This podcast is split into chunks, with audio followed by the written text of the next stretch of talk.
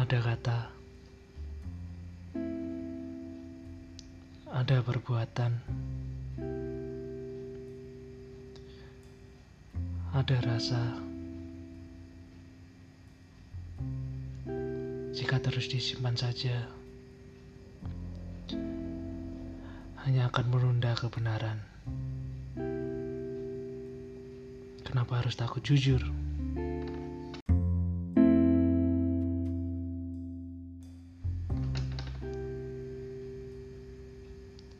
Mencintai diri sendiri. Konsep yang ribet menurutku.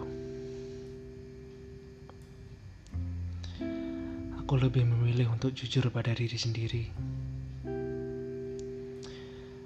Karena aku nyaman dengan konsep itu. Aku bisa memilih mana yang baik atau buruk untuk diri sendiri Karena aku jujur, bukan cinta. Karena cinta bisa menipu, kalau jujur enggak.